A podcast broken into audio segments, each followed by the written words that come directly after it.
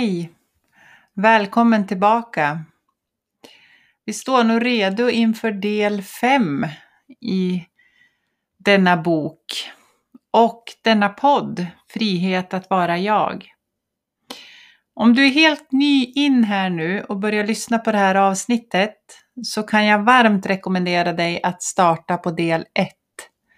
Då är det lättare att hänga med i vad vi pratar om nu. Eh, jag tänker inte hålla något mer på, på det här utan jag tycker vi kör igång på en gång faktiskt.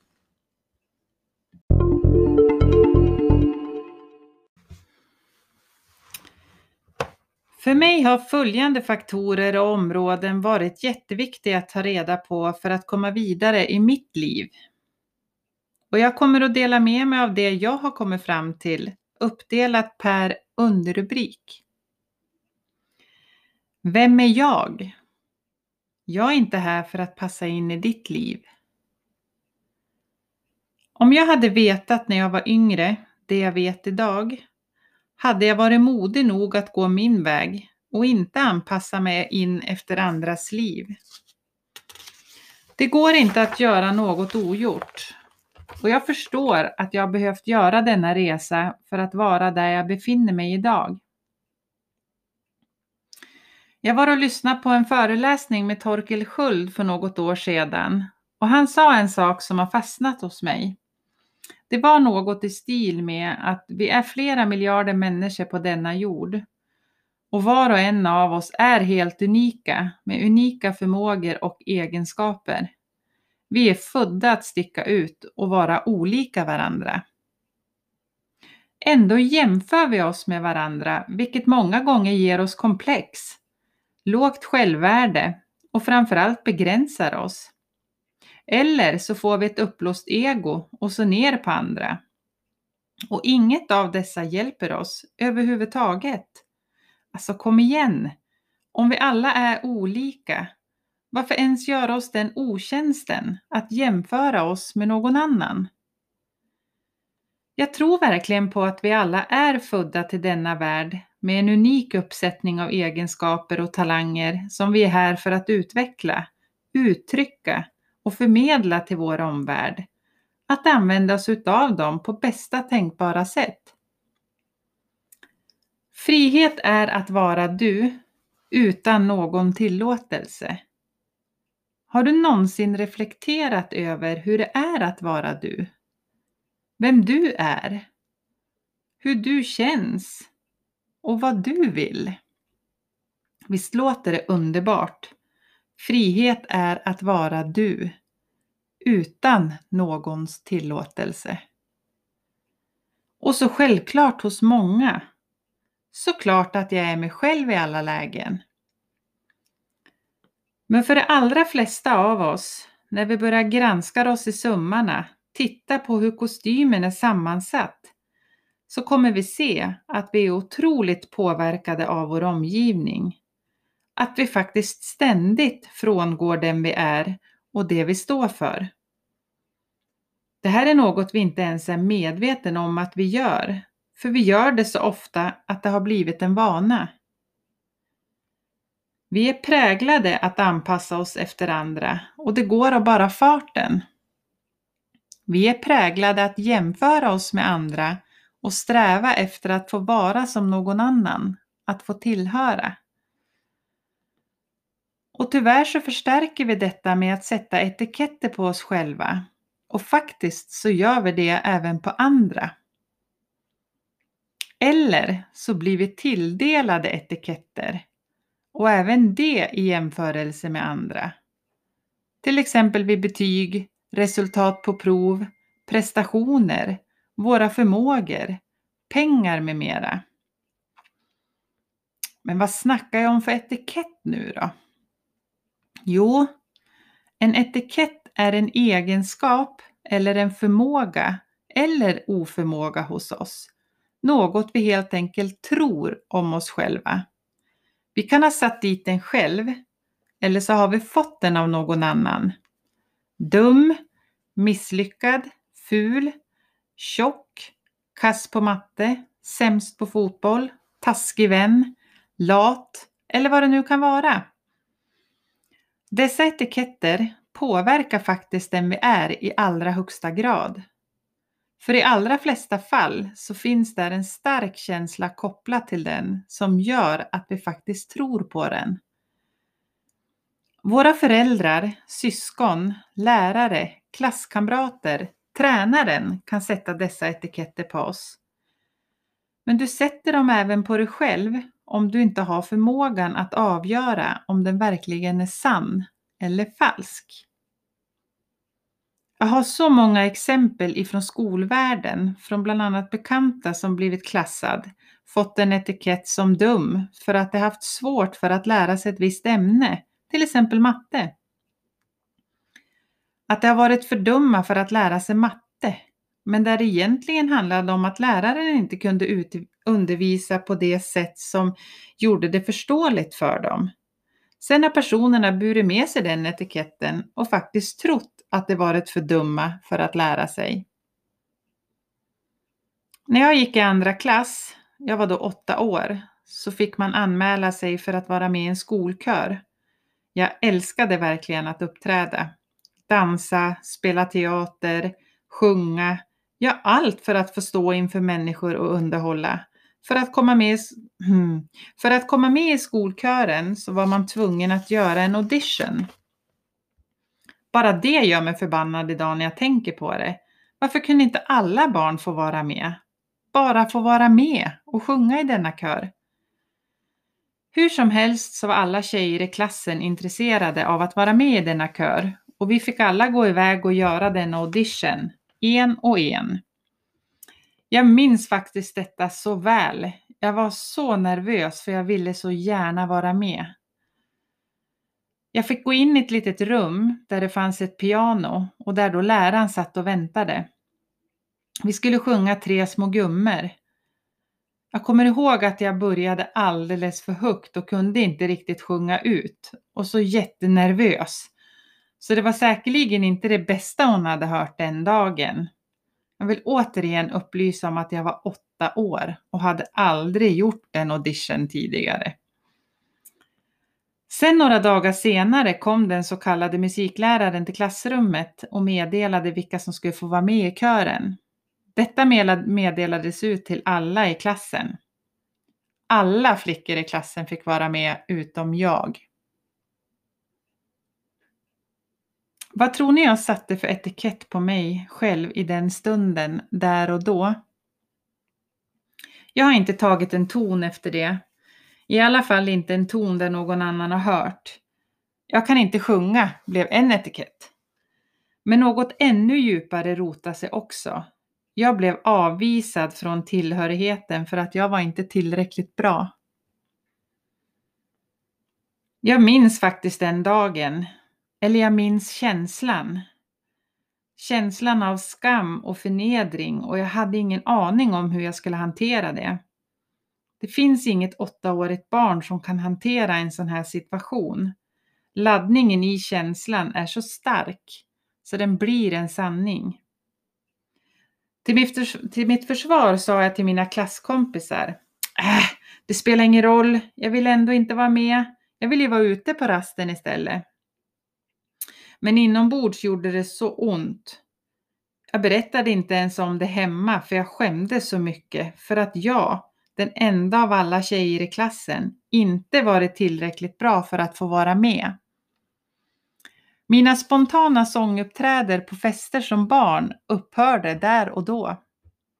Jag har också undvikit situationer som för mig är helt nya och där jag ska bli bedömd för något med risk för att bli avvisad.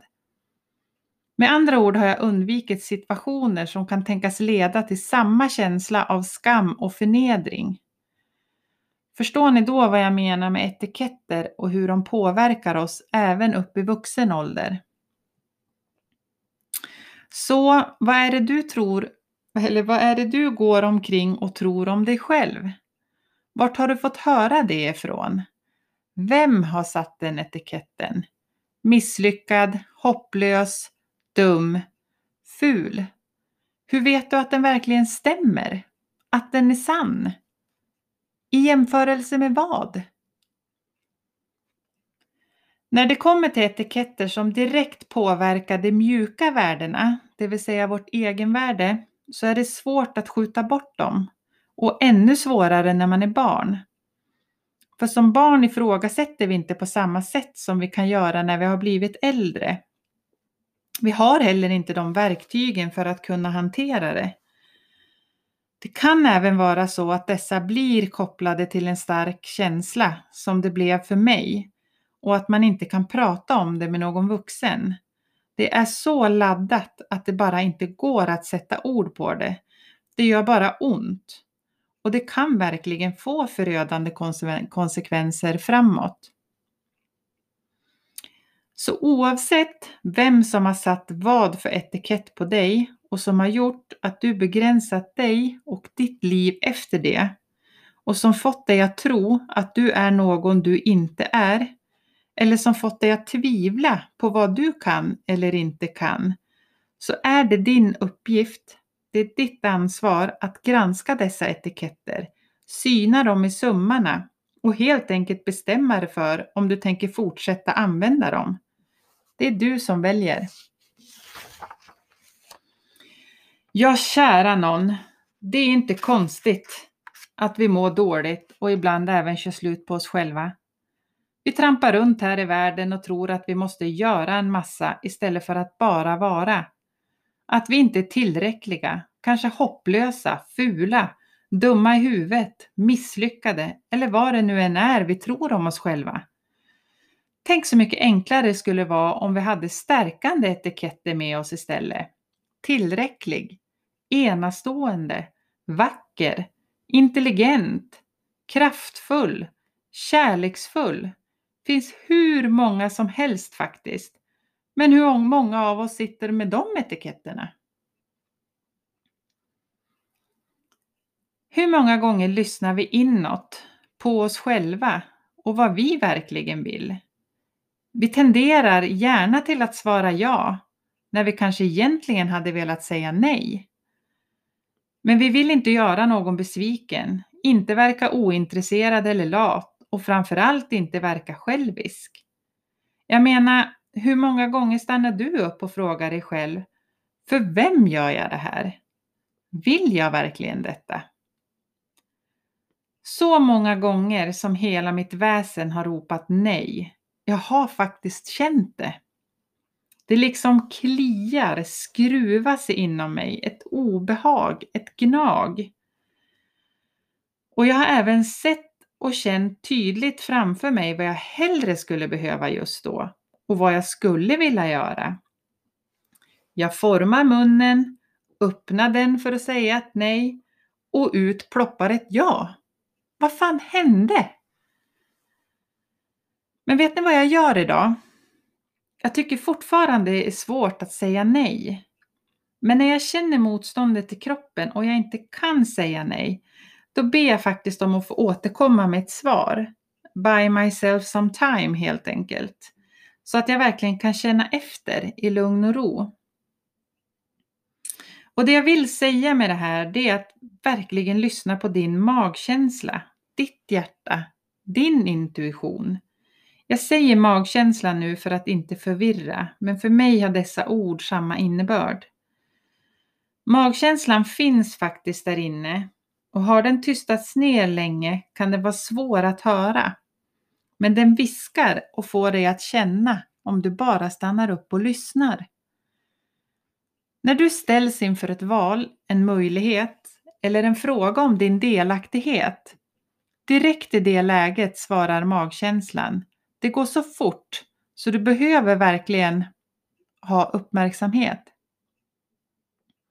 Det kan vara en form av ett sug i magen, en lyckokänsla, en upprymdhet, varm i hjärtat, en rysning i kroppen. Då är det ett ja.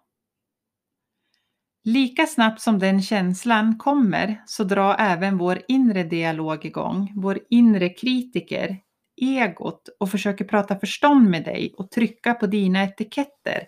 Att du inte är tillräcklig, inte kan, att du inte är värd det eller vad den nu säger till dig. På samma sätt är det om den första känslan är obehag, knut i magen, oro eller annat som skapar en olustkänsla i dig. Då är det ett nej. Och lika snabbt efter kliver detta, denna lilla jäkel fram och säger till att du måste ju ställa upp. De kan ju tro du är lat. Du är vek om du inte säger ja. Lita alltid på din magkänsla. Det är absolut första du känner innan den inre dialogen drar igång och river upp etiketterna med de laddade känslorna. För den är alltid rätt. Den är du.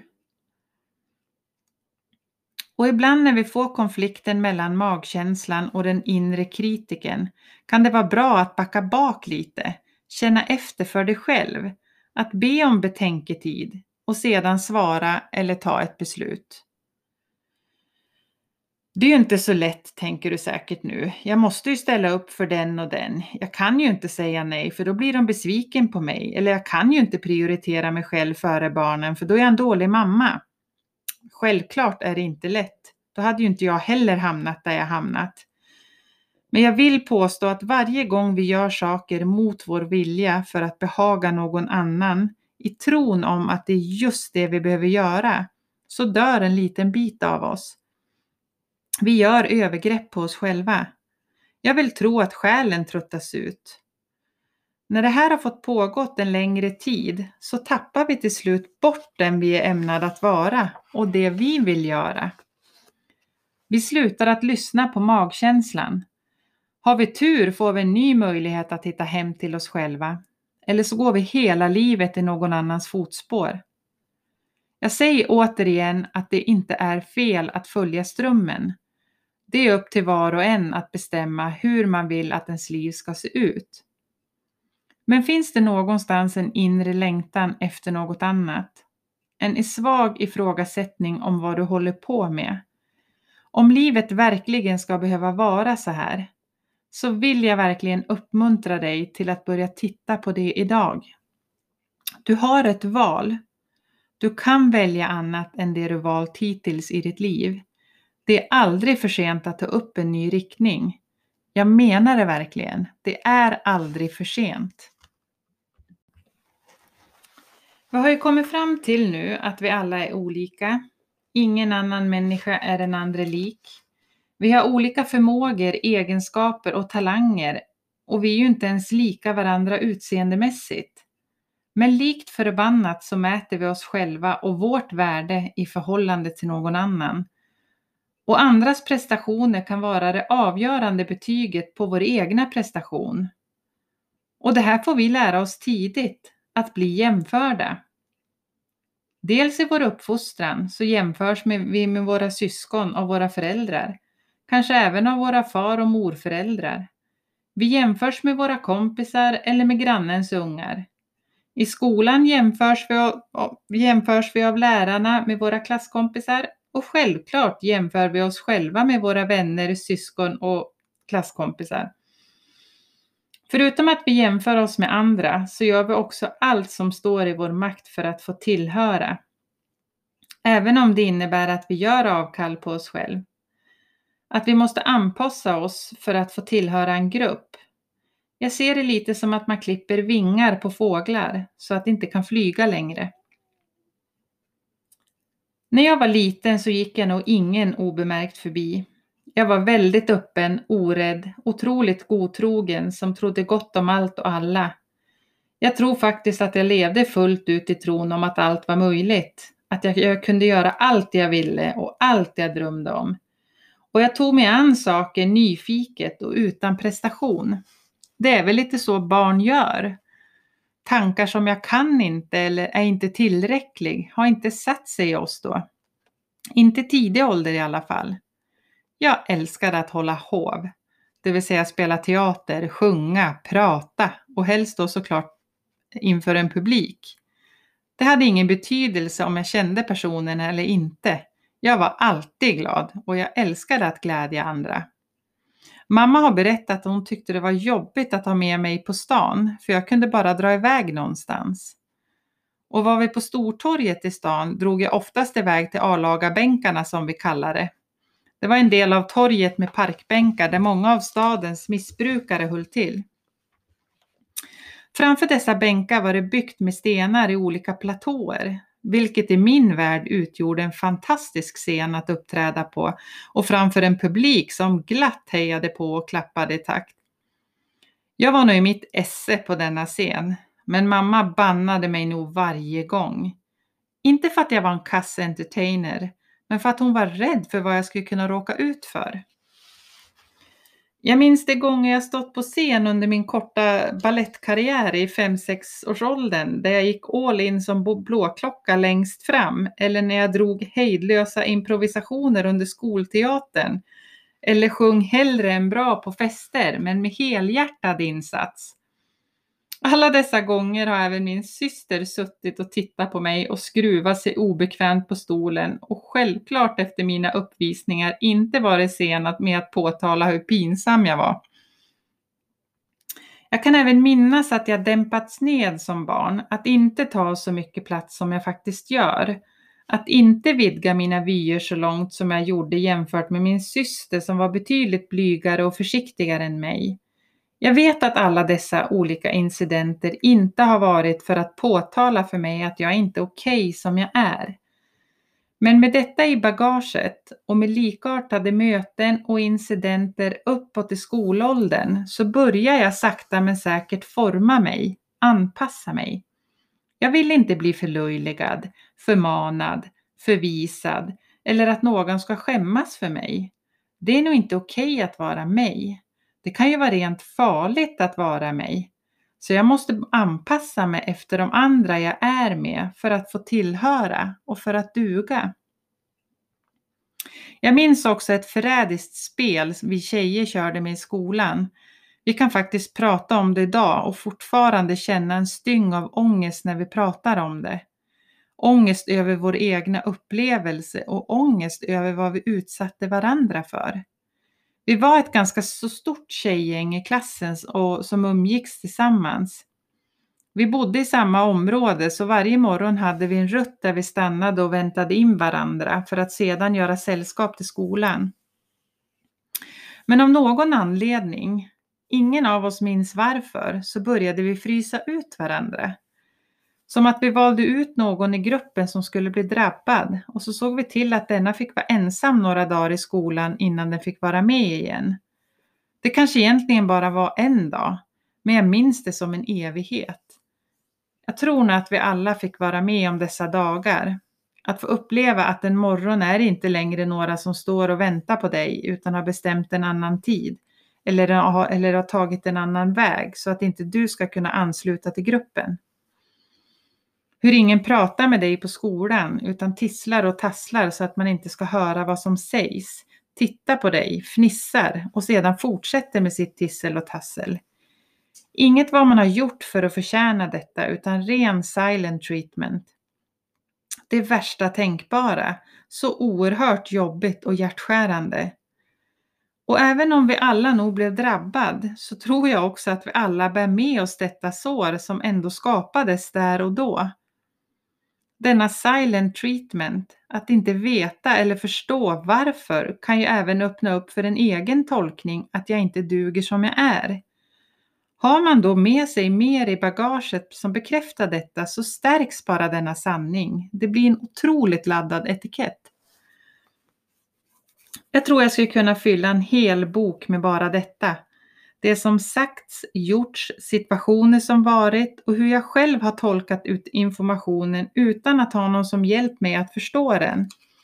Som blivit sanningar för mig, gett mig mina etiketter och som sedan styrt mig och mina val omedvetet eller medvetet. Och ur detta har jag skapat mig en prestationsprinsessa. Att om jag gör bra saker istället, då blir jag sedd, blir bekräftad. Att det jag gör är det som är bra, inte den jag är. Jag tror att ni alla som läser denna bok känner igen er på ett eller annat sätt. Säkert andra situationer ni bär med er och kanske andra etiketter som styr ert handlande idag. Jag tror heller inte att det går att gå ett liv utan att bli traumatiserad på ett eller annat sätt. På samma sätt med våra barn. Om inte vi tuffsar till dem så kommer någon annan att göra det. Jag tror att vi är här för att utvecklas, att utveckla våra förmågor och talanger. Och för att göra det, och för att göra det behöver vi utmaningar för att ta oss vidare i vår utveckling. Antingen så blundar vi för dem, tar omvägar eller låter bli att göra saker. Eller så konfronterar vi våra rädslor, ser, utmanar dem och fortsätter trots motstånd. De flesta av oss går hela livet genom att styra undan från detta för att slippa riva upp gamla sår. Och en liten del går sin väg oavsett vad som ställs framför dem. Jag vill gärna vara den sistnämnda, men hittills har jag varit den förstnämnda. Det tog mig 43 år att komma till insikt med att jag inte är här för att passa in i någon annans värld, utan jag är här för att skapa min egna. Jag är här för att sätta mina egna unika fingeravtryck här i världen.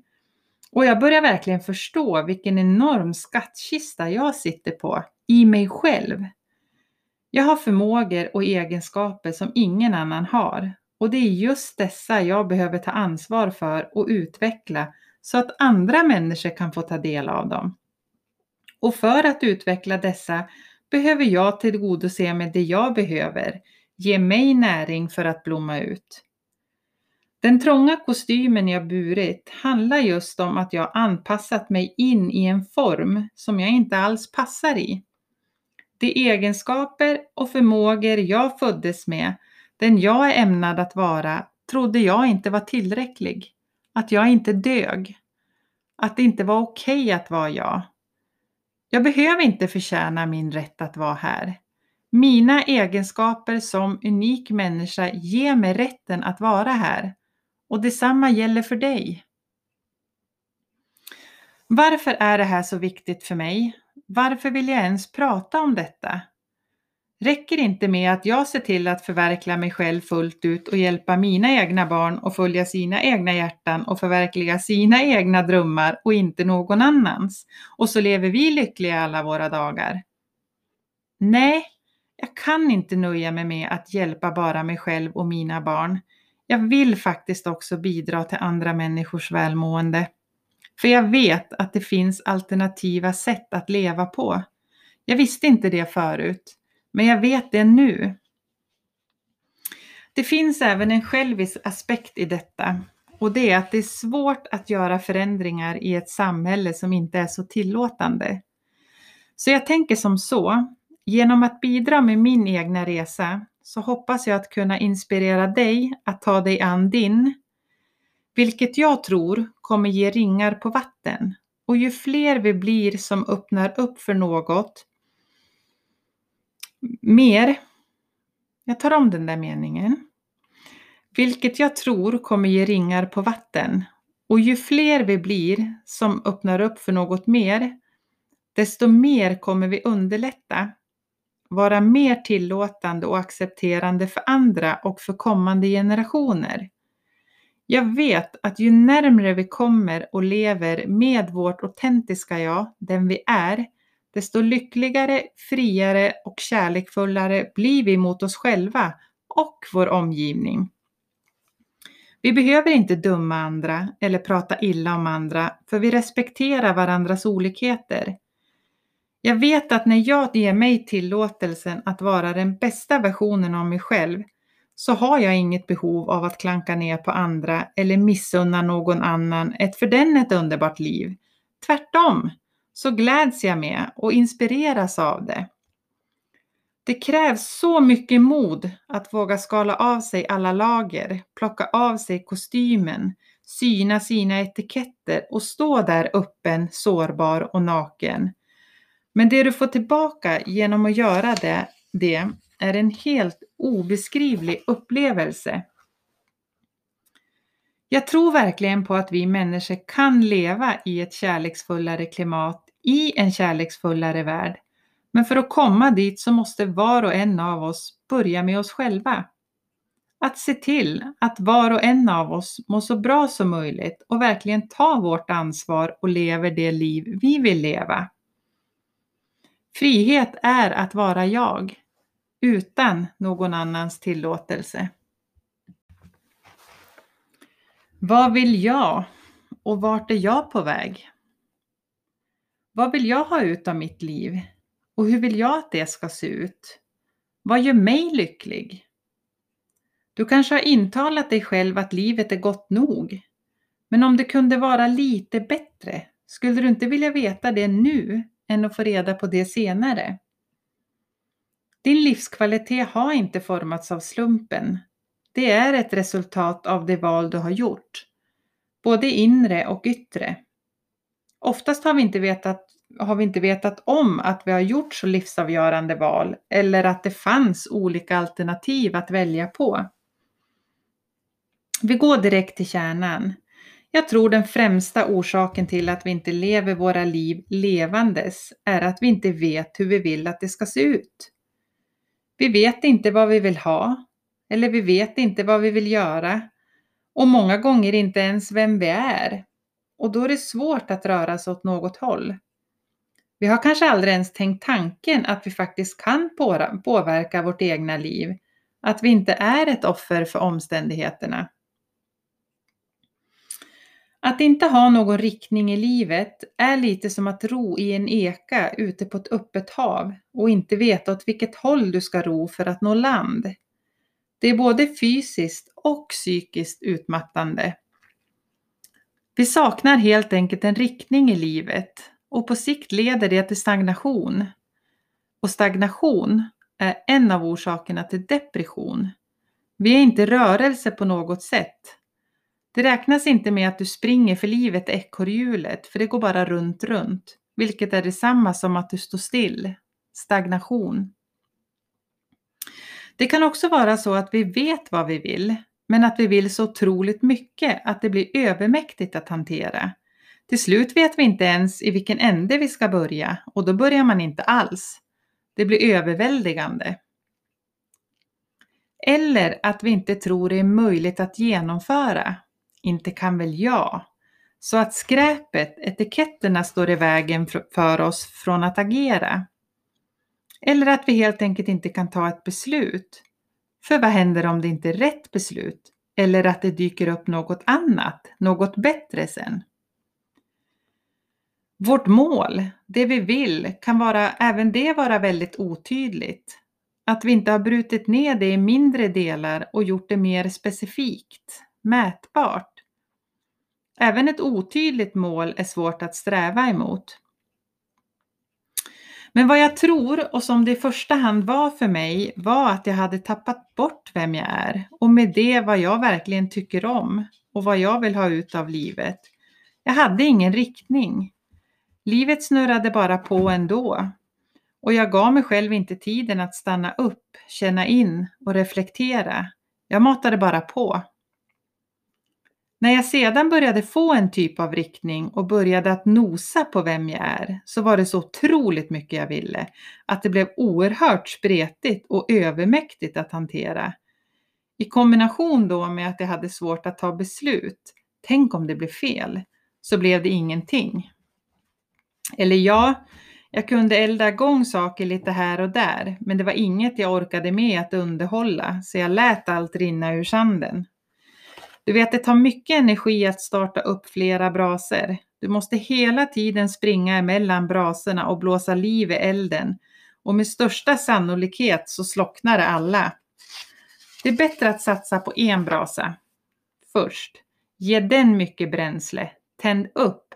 Underhåll den tills den brinner innan du ger dig i kast med en brasa till. Förstår du? Ja, men hur ska jag då veta vad jag vill? Ja, för min del så startade den processen med frågeställningen om allt vore möjligt, vad skulle jag vilja göra då? Och vem skulle jag vilja vara?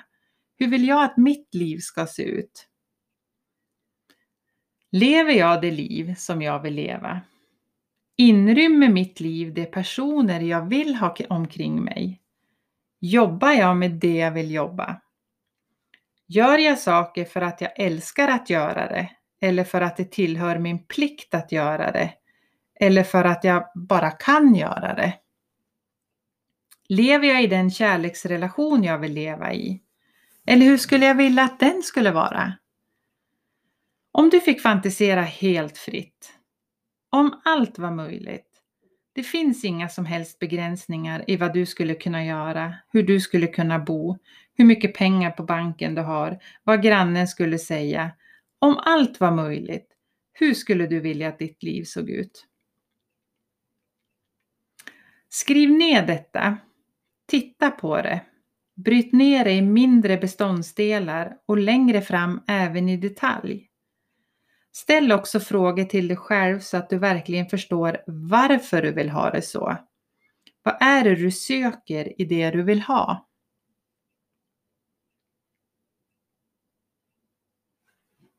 Hur ser ditt liv ut idag jämfört med det du nyss fick drömma om?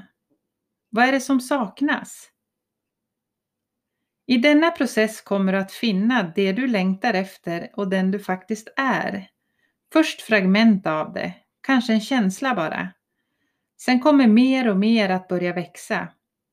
Det här kommer också sätta mycket annat i rullning. Din omvärld runt omkring dig kommer att börja förändras och du kommer att ledas in på nya vägar. Visst låter det flummigt och konstigt? Jag vet, det tyckte jag också när jag hörde detta första gången. Men nu när jag har jobbat med det här under några år så ser jag verkligen den synkronicitet som sker i det yttre när jag har börjat förändra och närma mig mitt inre. Så jag hejar på dig här med att ta dig an och leka med den här frågeställningen. Den sätter verkligen igång en hälsosam kreativ process inom dig. Var djärv! Våga drömma stort! Är det en världskänd popsångerska du vill vara, så skriv det. Finns inget som är löjligt eller tramsigt. Det är dina drömmar. Och dessa drömmar ger dig indikationer på vem du är djupt där inne, vilka unika gåvor och talanger du bär på och hur du kan använda dig av dem. Jag ber dig också att vara fullständigt ärlig mot dig själv. Våga erkänna det du vill ha. Det är inte något fult med att uttrycka det man innerst inne vill ha. Visst, det kan skrämma det, men låt det bara komma ut. Jag kan säga det det, att det satt långt inne att erkänna det jag verkligen ville ha att göra och jag vet att jag har betydligt mer att hämta. För vi är inte vana att ge oss själv utrymmet att fantisera och drömma så stort längre. Vi sätter alltid en begränsning kring det, för vi kanske inte tror att det är möjligt. Eh, ekonomi är en begränsning. Det är en starkt begränsande faktor för vår kreativitet. Att vi är för gamla nu, eller vad det än är. En av mina drömmar är att jag ville bli en artist. Jag ville dansa, uppträda, sjunga, prata inför stora folkmassor. Det drömde jag nog också om som liten och där levde jag ju faktiskt ut dessa drömmar på Stortorget, på skolan och på fester. Men sen upphörde dessa sakta men säkert ju mer jag började tro på mina etiketter. Nu är jag tillbaka igen i dessa drömmar och jag har faktiskt börjat att dansa. Men även om jag inte blir en musikalartist idag så är det fortfarande egenskaperna hos mig i detta som jag behöver ta hand om och utveckla.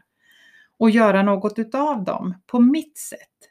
Att få komma till uttryck med. En av mina begränsningar jag sitter med nu är att jag säger till mig själv att jag är för gammal. Men jag tänker inte låta den begränsningen styra mig utan fortsätta och skapa ett koncept, en arena där jag kan komma till uttryck för dessa drömmar och där jag kan använda mig av min förmåga på bästa möjliga sätt. Att uttrycka mig via tal eller skrift är en del. Den är oerhört viktig för mig. Och jag har alltid trott att jag inte kan skriva eller att jag inte kan tala inför andra människor. Ytterligare en etikett. Min syster var den som hade fått den konstnärliga ådran i vår familj. Otroligt duktig att måla och att skriva. Och jag trodde nog någonstans att det bara var en av oss som kunde ha det. Och det var inte jag. Så jag spelade fotboll och höll på med hästar. Det är inte för inte att jag som barn älskade att underhålla, stå på scen inför andra. Det är ett enormt sug och driv hos mig nu idag i samband med att jag har börjat plocka av mig kostymen skitläskigt. men ändå alldeles, alldeles underbart. Och när jag märker att jag verkligen når fram och når ut så förstår jag att det är mitt rätta element. Men det ska ni veta, att knäna darrar, kroppen bara skälver av rädsla. Men att gå ut där och göra det man älskar att göra, då kan det bara bli bra. Så bara för att du blir vettskrämd så ska du inte kliva bak och gömma dig utan utmana dig själv och kliv ut där. Det kan bli starten på något helt nytt. Nej, stopp och belägg nu. Ni som har en dold dröm om att stå på scen och kanske föreläsa. Gå inte tillbaka i minnesbanken och hämta gamla erfarenheter från till exempel skolan. De otroligt opersonliga muntliga redovisningarna som många av oss tvingade att göra. Herregud, vem fasan tyckte inte det var hemskt? Stå där och prata om något man knappt behärskade, så man var tvungen att följa texten exakt som man skrivit den. Något man inte ens är intresserad av, känner ingen person för. Hur roligt är det? Och hur roligt blir en sån upplevelse? Nu är vi ju alla olika och alla har inte samma ådra som mig såklart. Men det finns andra områden och många gånger det vi är mest rädd för är precis i den riktningen vi ska gå. För det är där vi plötsligt känner att vi har mycket att förlora. Spännande va? Ett annat mäktigt verktyg vi kan ta till är att ta ett beslut. Nej, nu jävla gör jag det här. Märker du efter en tid att det inte blev som du tänkt dig? Ta ett nytt beslut. Inget är hugget i sten. Våga att känna dig fram. Prova på saker. Du kan inte veta om det är rätt för dig förrän du har testat. Vi lever i en föränderlig värld. Vi förändras och vad som är viktigt för oss och vad vi vill förändras. Så att ta ett beslut innebär inte att det måste vara för evigt. Ta ett nytt beslut längre fram. Svårare än så är det inte. Men den kraften som kommer genom att ta ett beslut är otrolig. Du växer och det kommer till dig möjligheter för du har bestämt dig. Sen är det så att när du väl har bestämt dig, tagit ett beslut, så rör du dig också i en riktning framåt, vilket genererar inte bara möjligheter utan även ett bättre välmående. Här skulle ju jag helt klart kunna lägga in verktyg för hur man sätter upp mål och skapar handlingsplaner som ska leda till ett agerande. Men det finns redan så mycket sådana verktyg så det är bara att googla. Det finns även otroligt mycket vassa coacher att ta hjälp av för detta. För i ärlighetens namn så tycker jag att det är skittråkigt. Ja, jag vet. Jag borde ha en plan, det säger alla. Men så fort jag ska sätta mig med den så sjunker min energi och jag blir tom i huvudet. Nej, jag har istället min bok där jag skriver ner mina idéer, drömmar och visioner. Denna bok är levande så jag ser till att uppdatera, skriva till och ta bort allt eftersom. Jag försöker läsa den regelbundet för att få inspiration och påminna mig själv om mina hjärtefrön. Och då märker jag också efter ett tag vilka drömmar eller idéer som fortfarande är aktuella, känns viktiga för mig och som fortfarande skapar en triggande känsla i mig. Just dessa idéer tar jag då till en ny sida och försöker bryta ner dem i lite mindre delar. Vad det skulle innebära rent konkret, vad jag redan har för resurser och vad jag behöver tillföra för att genomföra idén. Hela tiden så låter jag dem vara öppna och obegränsade för att inte strypa flödet till dem. Och de är ofta i mina tankar för de skapar så otroligt skön känsla i kroppen. Jag kan inte säga att jag har en uttalad handlingsplan som jag kan stå i efterhand och checka av. Nej, utan det har mer fallit sig så, så att jag har börjat röra mig i en riktning mot rummen eller idén. Jag börjar göra, uträtta saker utan att jag kanske tänker på det alla gånger. Jag börjar helt plötsligt träffa likasinnade människor som jag kan bygga vidare med eller bolla dessa idéer med. Jag kanske ser en intressant kurs eller en föreläsning i tidningen som är i linje med min idé och som jag anmäler mig till.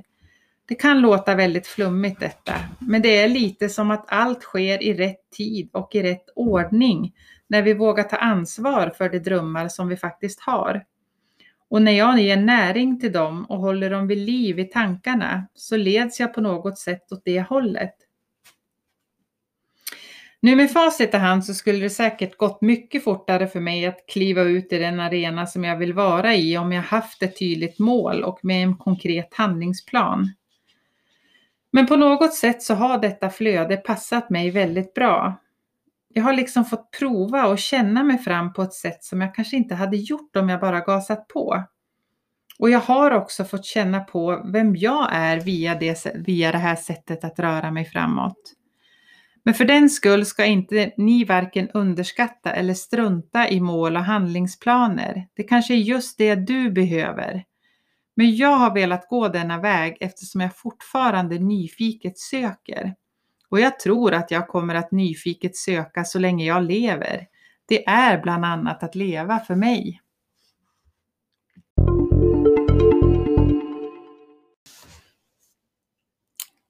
Tack så jättemycket för att jag fick ha din uppmärksamhet ännu en gång.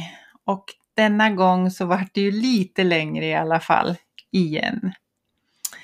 Ehm, jag lyfter en gång till att jag vill jättegärna ha dina tankar, funderingar, reflektioner och frågor.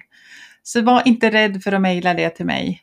Eh, info snabela camillanj.com eller så går ni in på min hemsida www.camillanj.com. Det här var del 5. Vi har några delar kvar. Så jag säger på återhörande och ta hand om dig. Hej då!